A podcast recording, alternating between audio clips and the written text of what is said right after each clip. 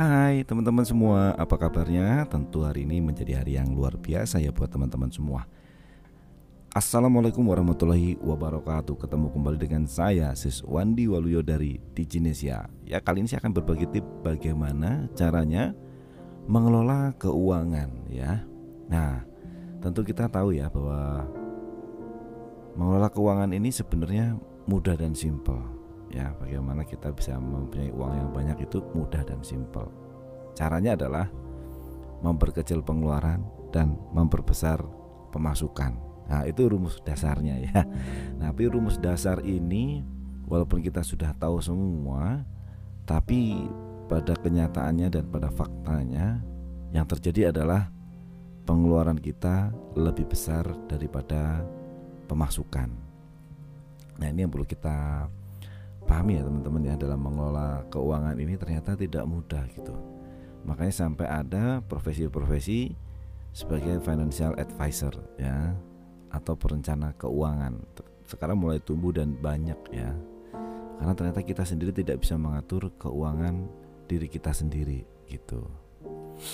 Nah teman-teman ini sebenarnya mengatur keuangan ini adalah gampang ya yaitu pertama kita harus mencatat keuangan pribadi kita. Misalnya uang masuk itu berapa di awal bulan ya. Nah kemudian kita mencatat semua pengeluaran teman-teman. Kita harus catat itu pengeluaran sekecil apa pun pengeluaran itu kita catat ya supaya kita tahu jelas bahwa uang yang kita punya itu digunakan untuk apa gitu.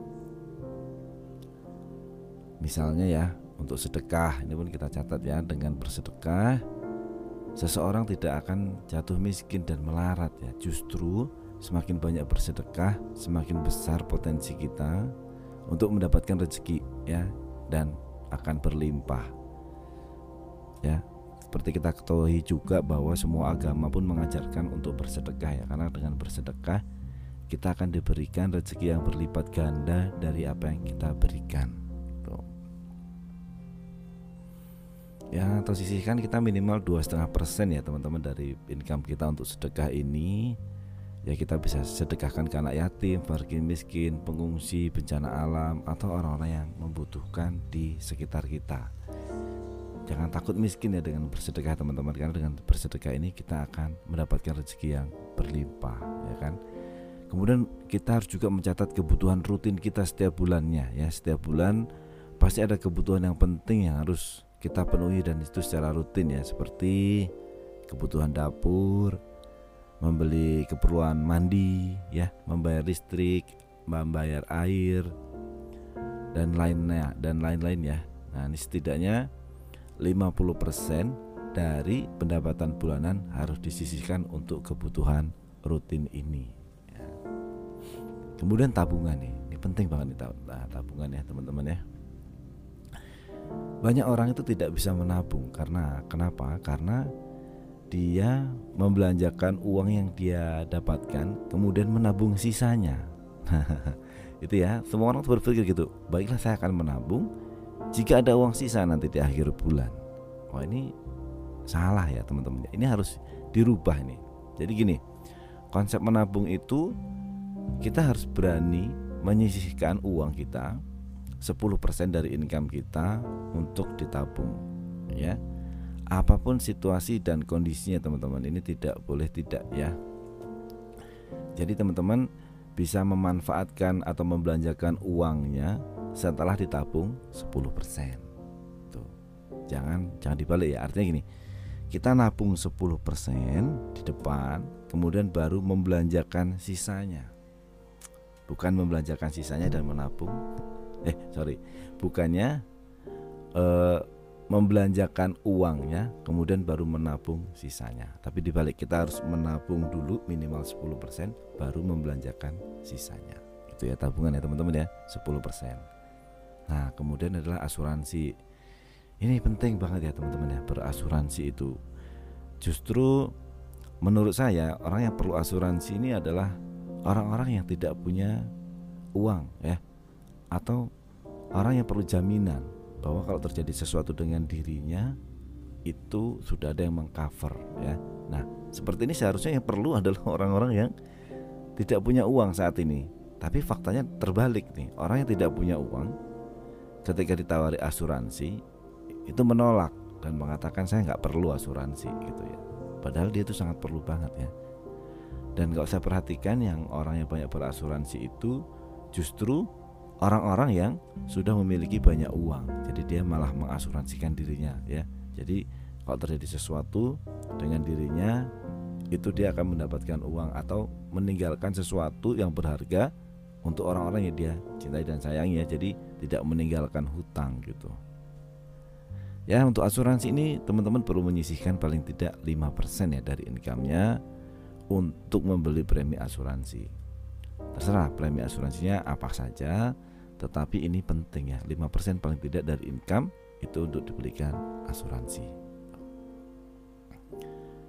Kemudian untuk investasi ini tentu semua orang pengen uangnya terus bertambah ya, bertambah kru dan kru dan kru kalau ditabung di bank aja itu biasanya malah tidak memiliki pertambahan nilai tapi mengalami penurunan nilai karena adanya inflasi mata uang kita.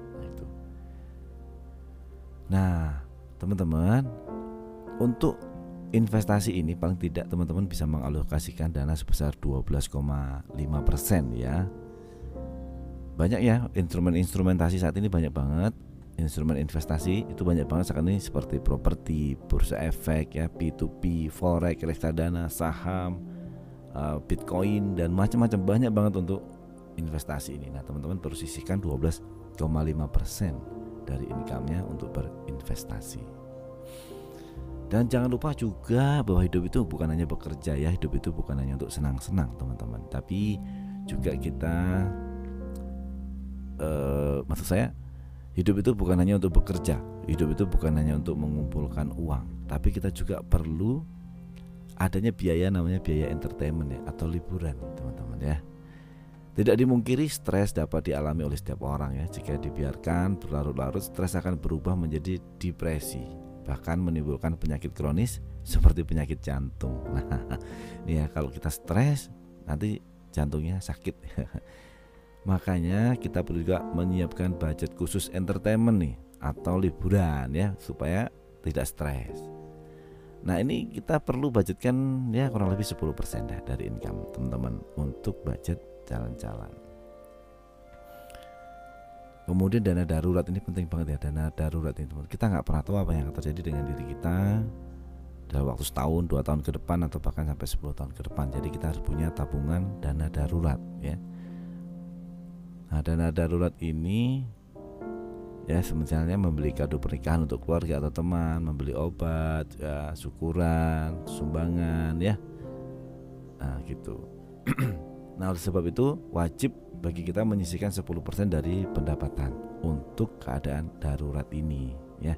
Namun jika dalam sebulan Anda tidak mengalami hal-hal tak terduga atau harus membayar keperluan tersebut, sebaiknya dana darurat ini ditabung ya untuk persiapan di kemudian hari ya itu teman-teman ya tadi ya jadi dari sekarang kita harus pandai mengatur finansial kita jangan sampai kita tidak punya uang saat ini habisnya untuk senang-senang tapi masa depan kita juga nggak tahu gimana nah tadi udah saya jelaskan bahwa kita harus punya budgeting yaitu untuk sedekah, untuk kebutuhan rutin, untuk tabungan, untuk asuransi, untuk investasi, biaya entertainment dan dana darurat. Nah, ini penting ya teman-teman ya untuk mengelola keuangan. Nama karena kalau tidak dikelola selamanya kita hanya bekerja untuk uang dan kita nggak pernah punya apa-apa.